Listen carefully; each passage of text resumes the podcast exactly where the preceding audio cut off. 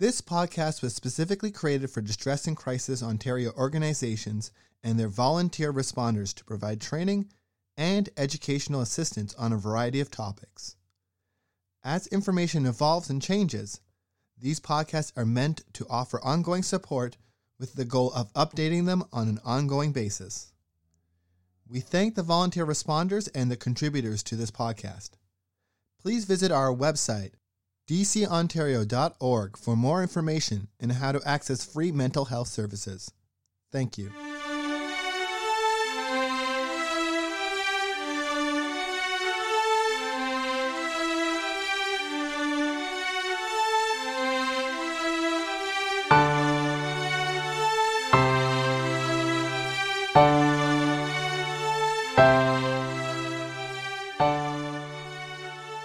Hello, my name is Caitlin Plant, and I'm the Program Manager at Distress and Crisis Ontario.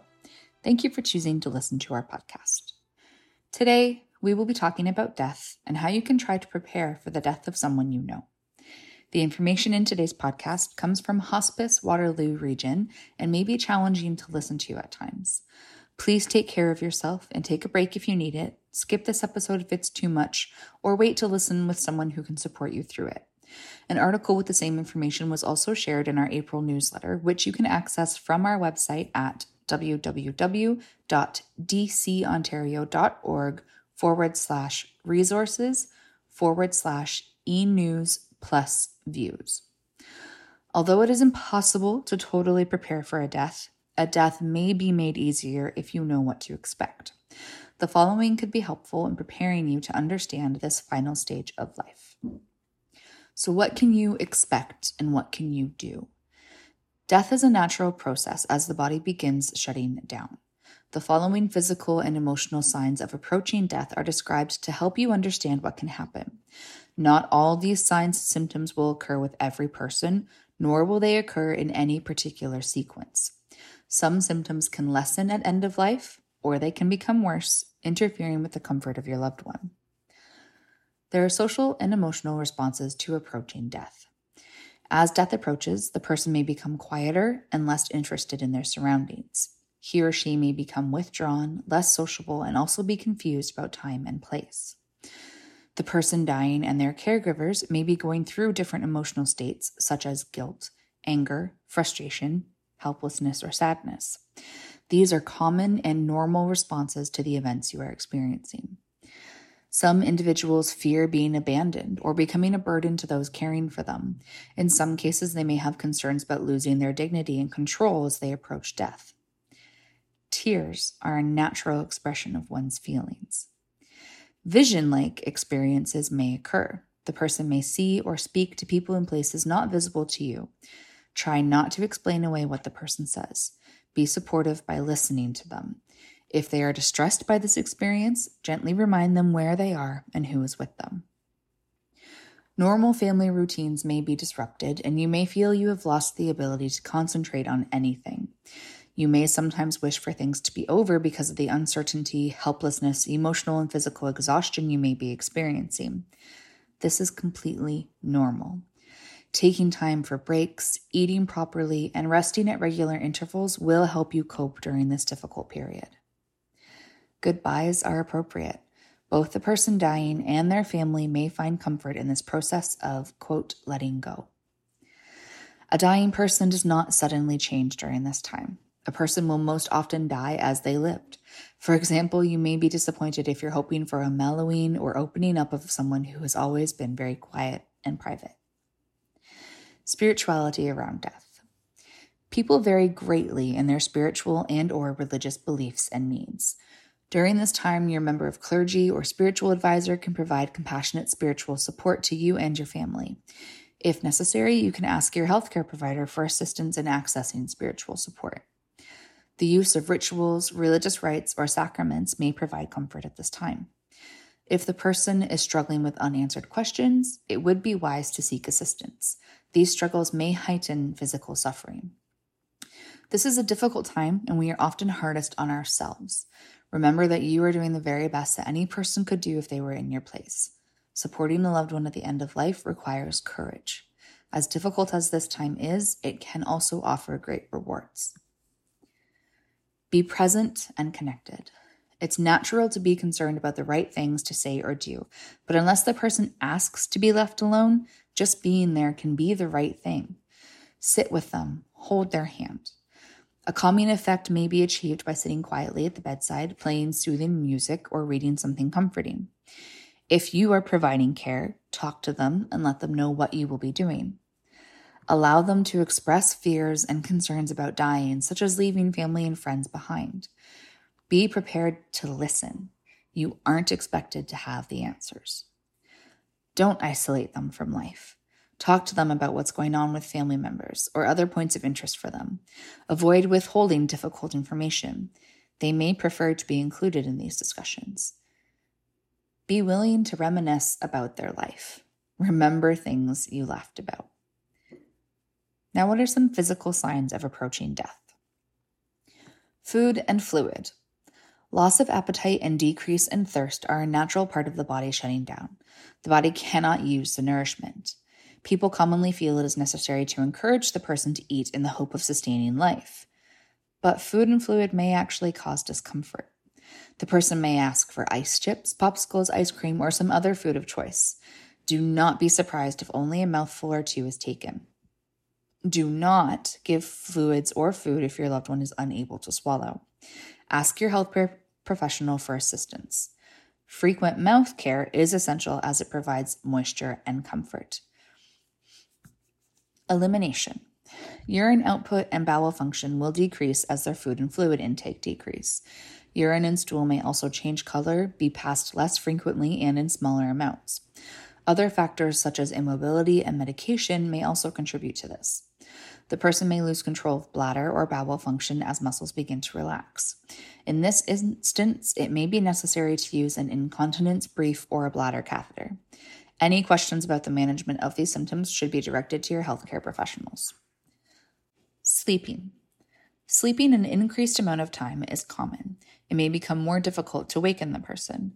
As death nears, the person may just slip into a coma and become unresponsive.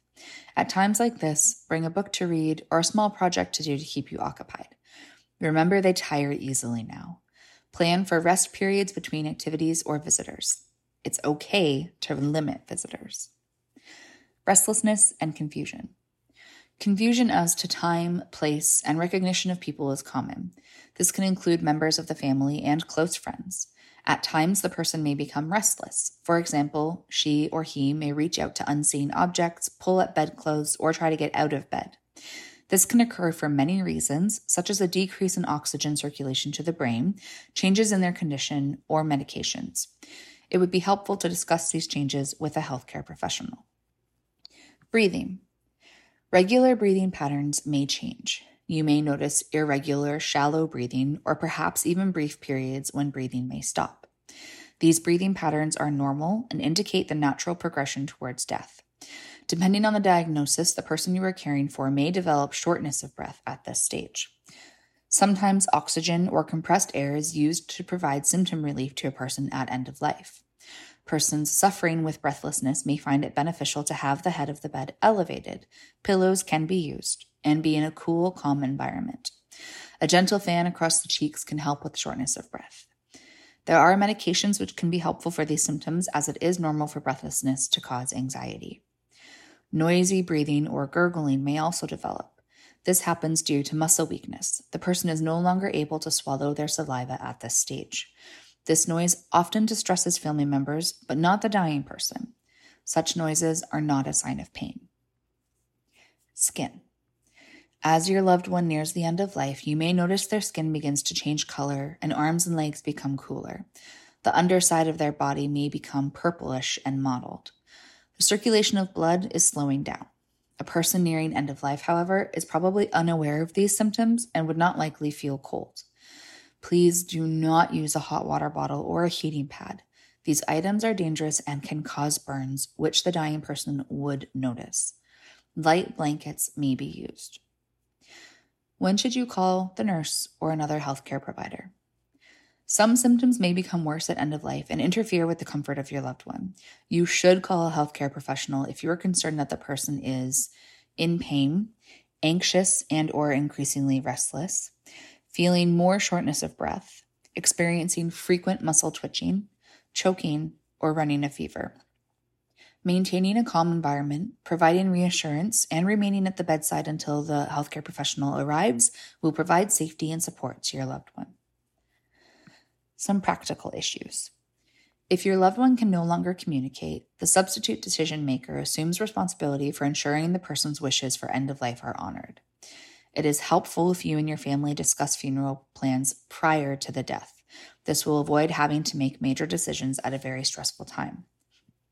Everyone is encouraged to discuss their wishes with respect to organ donation long before they die.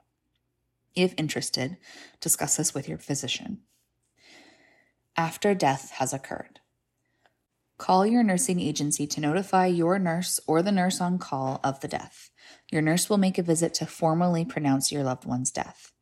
Do not call 911, police, or ambulance, as this could mean that attempts at resuscitation and transfer to emergency could be initiated do spend as much time as needed with your loved one. The funeral home you have chosen will need to be called. You will be asked to sign a form releasing your loved one to the funeral home. If you have healthcare professionals involved in the care of the dying person, they should be notified of the death. They are available to provide you with assistance and emotional support. A healthcare provider can also suggest the safe, responsible way of storing and disposing of medication and equipment, but it is the family's responsibility to do so caring for yourself. Caring for a loved one at end of life can be emotionally and physically challenging. There are many available supports and people who can assist you on this journey. You are not alone. Ask for help when you need it. Maintain reasonable expectations of yourself. Give yourself permission to feel the way you're feeling. You are an important part of the team caring for your loved one. Each team member needs to stay well in order to contribute their unique strengths and abilities.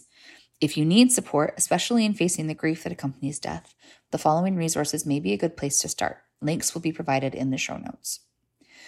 Bereaved Families of Ontario, which can be found at bereavedfamilies.net. For over 40 years, Bereaved Families of Ontario has been supporting grieving Ontarians, and today it is more important than ever that they continue their work. BFO offers peer based support at no cost to those in need. My Grief, which can be found at mygrief.ca. Confidential and free, mygrief.ca helps you to understand and move through your grief in your own place, at your own pace, developed by people who have been there and grief specialists, featuring real life stories and experiences. And finally, the Canadian Virtual Hospice, which is a compilation of grief services offered all over the province, which can be found at virtualhospice.ca. As always, our member centers and ONTX are here to support you as well. You can find your nearest center, many of whom operate 24 7, by visiting our website at www.dcontario.org forward slash locations. And ONTX's chat feature can be accessed from any page of our website using the Looking for Support sidebar. ONTX is available from 2 p.m. to 2 a.m. Eastern Standard Time daily and can also be accessed by texting the word support to 258 258. Thank you for listening to this week's podcast.